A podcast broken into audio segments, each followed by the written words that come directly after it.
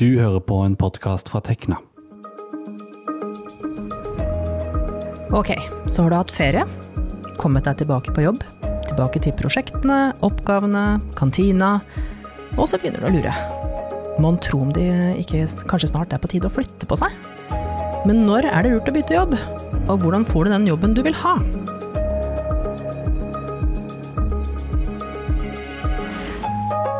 Velkommen til Organisert, en podkast om jobb, juss og karriere. Jeg heter Vibeke Westerhagen, og i dag er gjest hos meg Ole I. Iversen. Og vi skal snakke om hvordan få drømmejobben. Velkommen hit, Ole I. Iversen. Takk skal du ha. Du jobber til daglig på BI, ved Institutt for ledelse og organisasjon, og kan masse om rekruttering. Og så jobber du med topplederutvelgelse for forsvarsmateriell. Men jeg er litt sånn nysgjerrig på hva er den I-en i Ole I? Ser du overalt? Ja, den I-en har vært med meg i mange år. Jeg heter Ole Ingvald. Ingvald, ja. Så syns jeg det er litt langt da, å bruke begge de navnene. Så, Ja. så når jeg skriver underskrifter, så bruker jeg gjerne Ole I. Iversen. ja. Men til daglig så er det Daglig så bruker jeg Ole. Det er Ole, ja. Ja. Du, hva er det du liker best i din uh, jobbhverdag? Nei, Som du er inne på, så har jeg for så vidt to jobber, da. Uh, på BE så liker jeg veldig godt å undervise og møte studentene.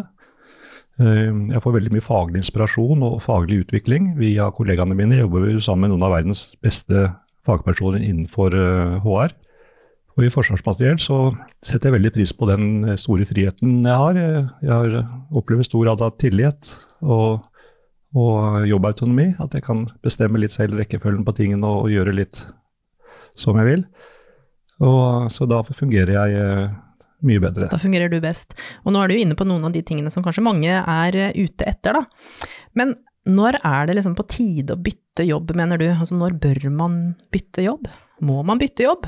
Nei, Man må, må ikke bytte jobb, men det er klart at når man begynner å føle seg litt eh, demotivert, eh, kanskje ikke stå på så mye, føler at man ikke lærer å utvikler seg, så er det nok mange som begynner å se seg om etter andre, andre muligheter. Samtidig så må det også passe med den private situasjonen din. Eh, man skal være klar over at å bytte jobb er alltid krevende. Det er alltid en bratt kurve i begynnelsen, mye nytt å sette seg inn i. Så det krever at også at man har det overskuddet og muligheten til å gjøre det. Så, så det er en kombinasjon av faktorer som må passe inn. Men litt kort, også, hvordan er det arbeidsgiver setter pris på at et jobbskifte skjer? Altså den nåværende arbeidsgiveren, fordi det er jo litt vanlig at man da sniker seg rundt på jobbintervjuer, og um, det er jo litt sånn hemmelig, ikke sant, med at man søker eh, jobb. Hva anses som en liksom ryddig prosess? Ja, Det er et vanskelig spørsmål. Altså, på en måte så skjønner jeg godt at det må være litt hemmelig. Hvis du søker på jobb hos en konkurrent f.eks., så vil jo ikke det være noe populært at du forteller det på, til nåværende arbeidsgiver. Så, så sånn sett så er det vel kanskje naturlig at det er litt eh, hemmelighet. Innenfor offentlig sektor så er det kanskje mer åpenhet, for da, da er det ofte ikke konkurrenter man går til, men til andre offentlige virksomheter. Eh, så da er det kanskje litt mer åpenhet rundt det. Men man risikerer altså da kanskje bli frosset litt ut, da. Hvis arbeidsgiver skjønner at eh, du er på vei bort. Kanskje ikke du får de kursene du normalt ellers ville fått. Kanskje ikke du får de arbeidsoppgavene som du normalt eh, ville fått. Så, så sånn sett så, så kan det nok være lurt å holde det litt hemmelig, da. Mm. Ellers så kunne man jo tenke seg at man hadde en arbeidsgiver som tenkte ah, vi vil beholde deg, Ja, ja da. hva vil du gjøre hos oss? Ja, det, det er jo sånn uh, ofte mange ganger i sånne rekrutteringsprosesser, eh, når vi kommer og gir et tilbud til en, til en eh, kandidat, da, så får de plutselig tilbud om lønnsøkning i stillingen de sitter i. Eh, men da er det jo litt sent ofte, da man kommet så langt i prosessen at man eh, ofte da ikke, ikke gjør det, da. Nei, man har flytta litt mentalt eh, allerede, kanskje. Ja, ja.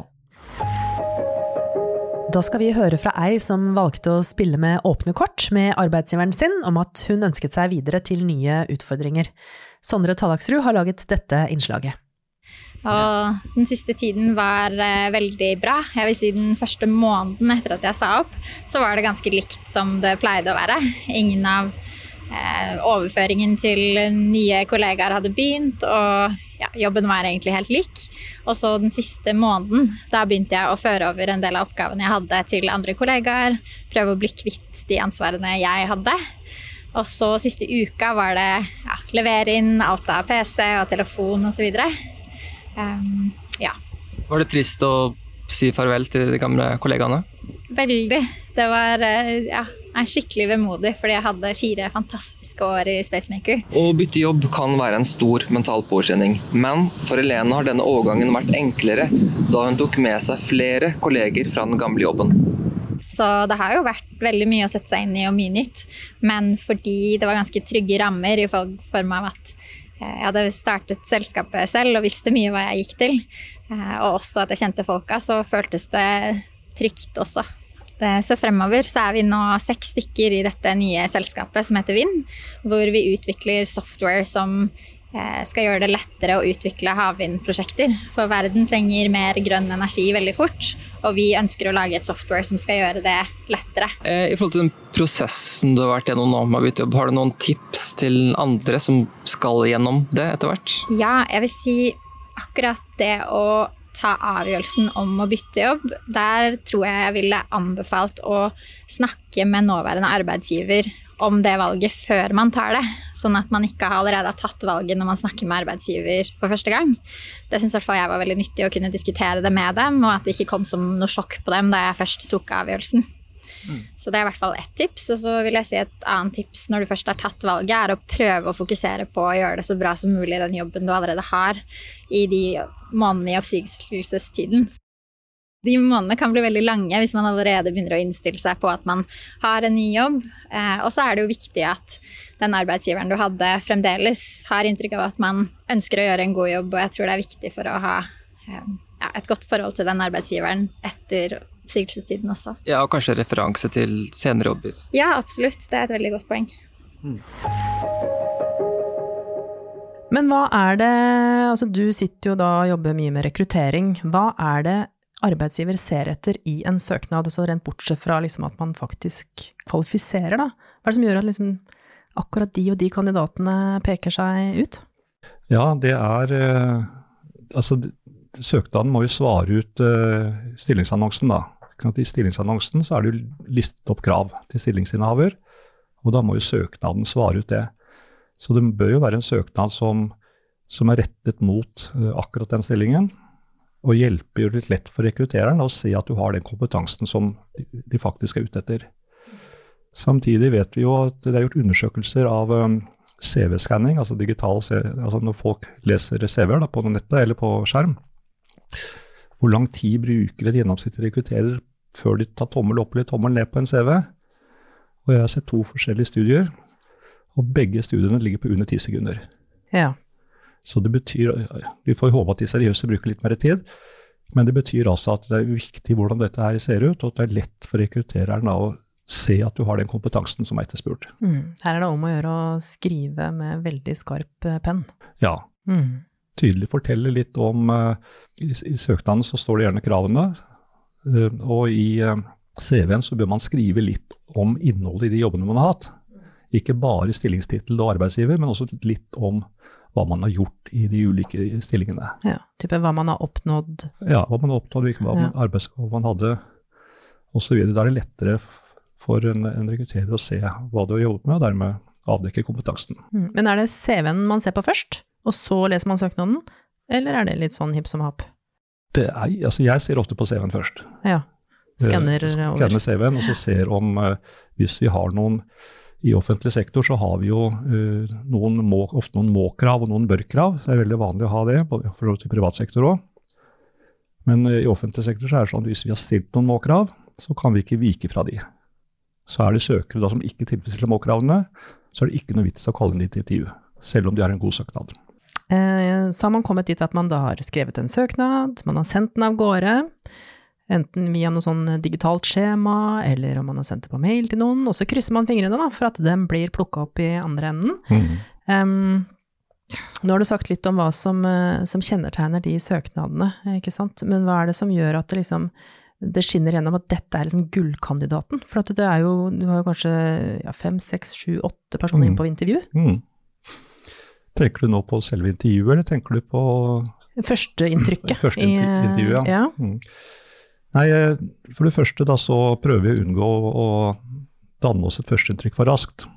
For det er jo også forskning som viser at mange danner seg førsteinntrykk i løpet av noen minutter, og så bruker resten av intervjuet på å få bekreftet dette førsteinntrykket. Så, så det lønner det seg ikke å gjøre. Eh, så, så man må, som rekrutterer da, så må man ha en strukturert intervju. Eh, jeg må spørre alle kandidater om de samme tingene.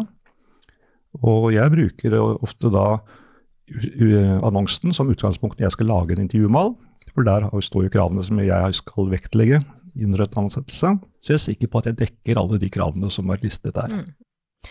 Men det du sier er jo at uh, førsteinntrykk man, altså De som er rekrutterer, de er bare mennesker. Så de, de blir jo påvirka.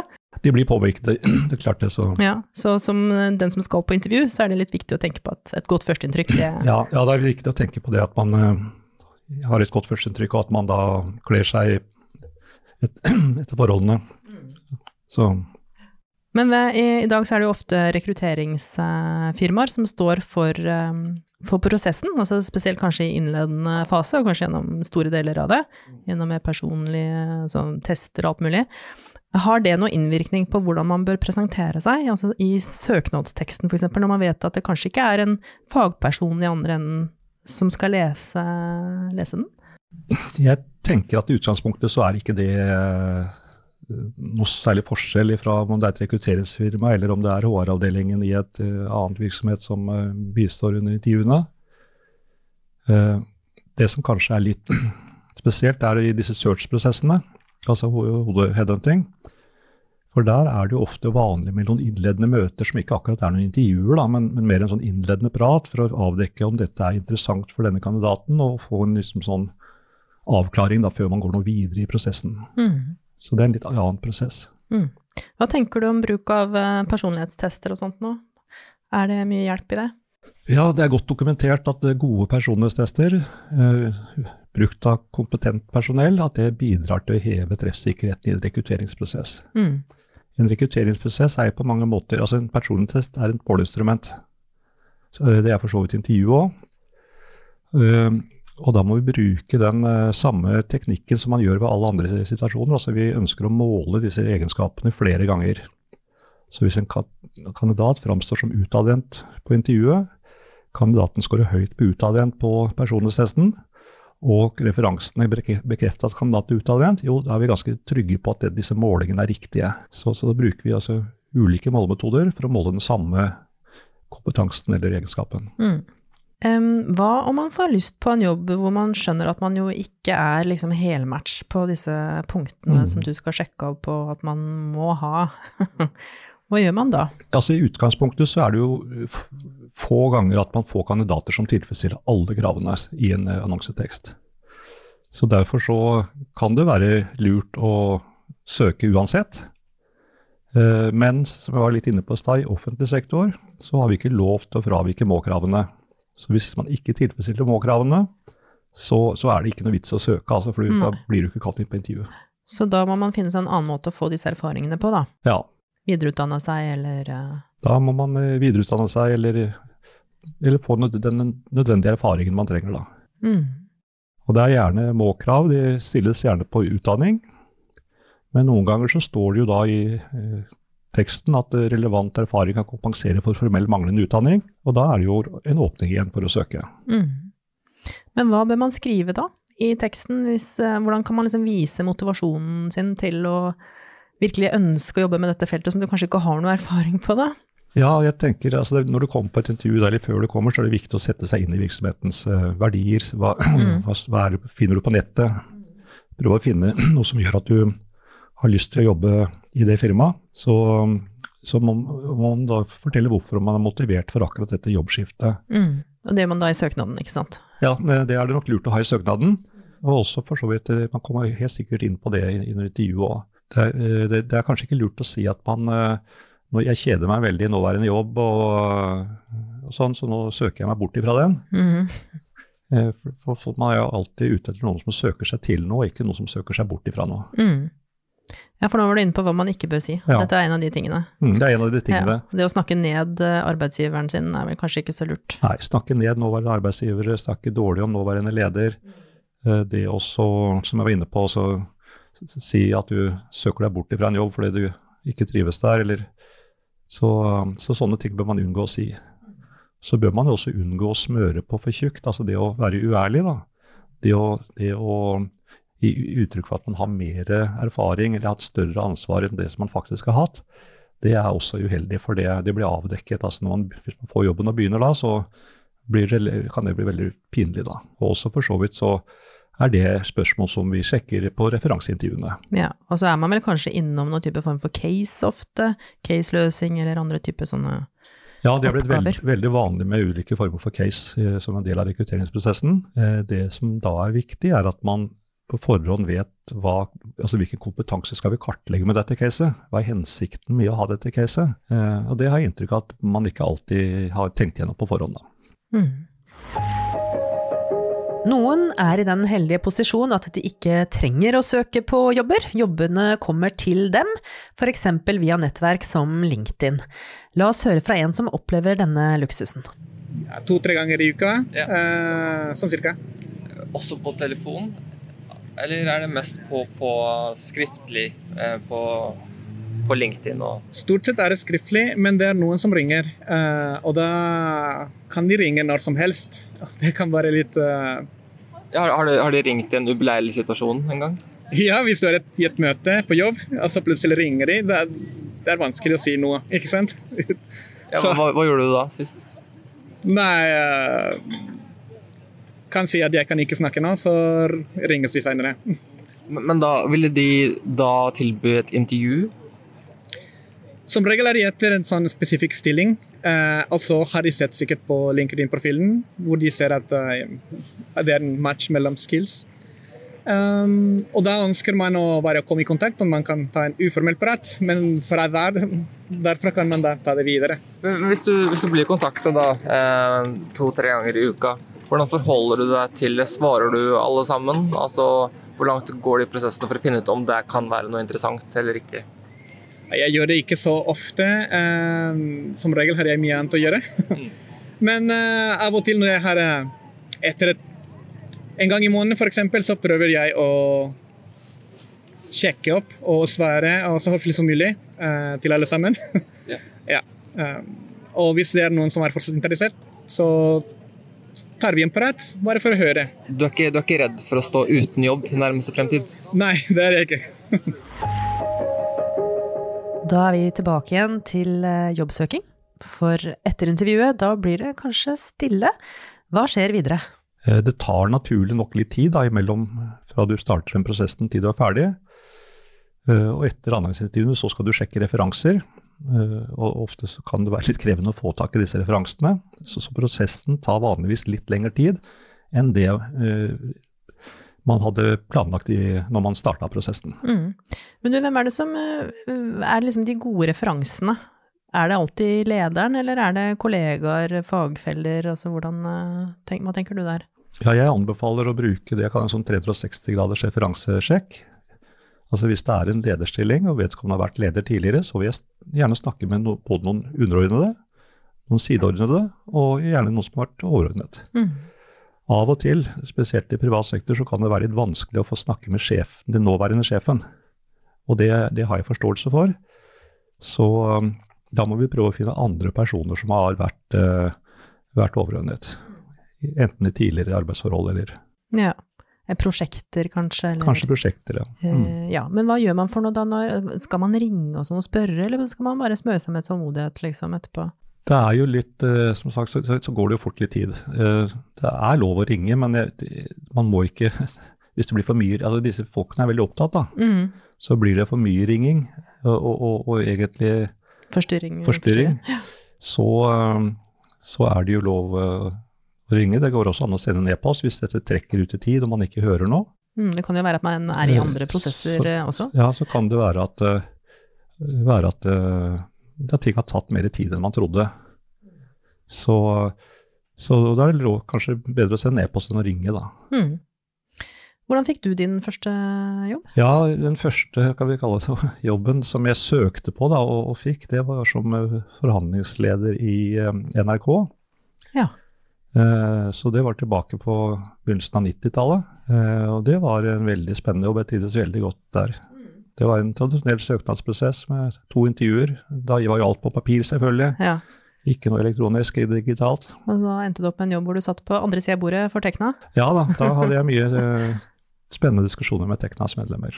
Det, det har jeg hatt senere òg, forresten. Ja. Da har alle som har fundert på å snuse litt eh, rundt etter nye muligheter, fått noe å tenke på. Tusen takk for at du ville komme til oss i, i Organisert, Ole I. Iversen. Bare hyggelig.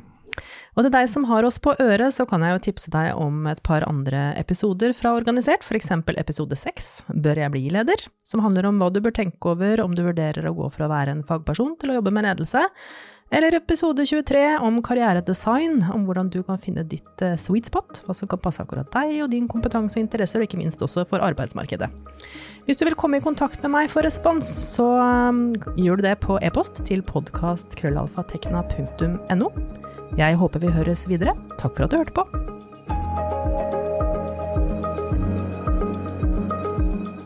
Dette har vært en podkast fra Tekna, en fagforening for deg med mastergrad i naturvitenskap, realfag eller teknologi. Les mer om oss på tekna.no. Programleder var Vibeke Westerhagen, reporter Sondre Tallagsrud, og teknisk ansvarlig var meg, Andreas Kili Grenasberg.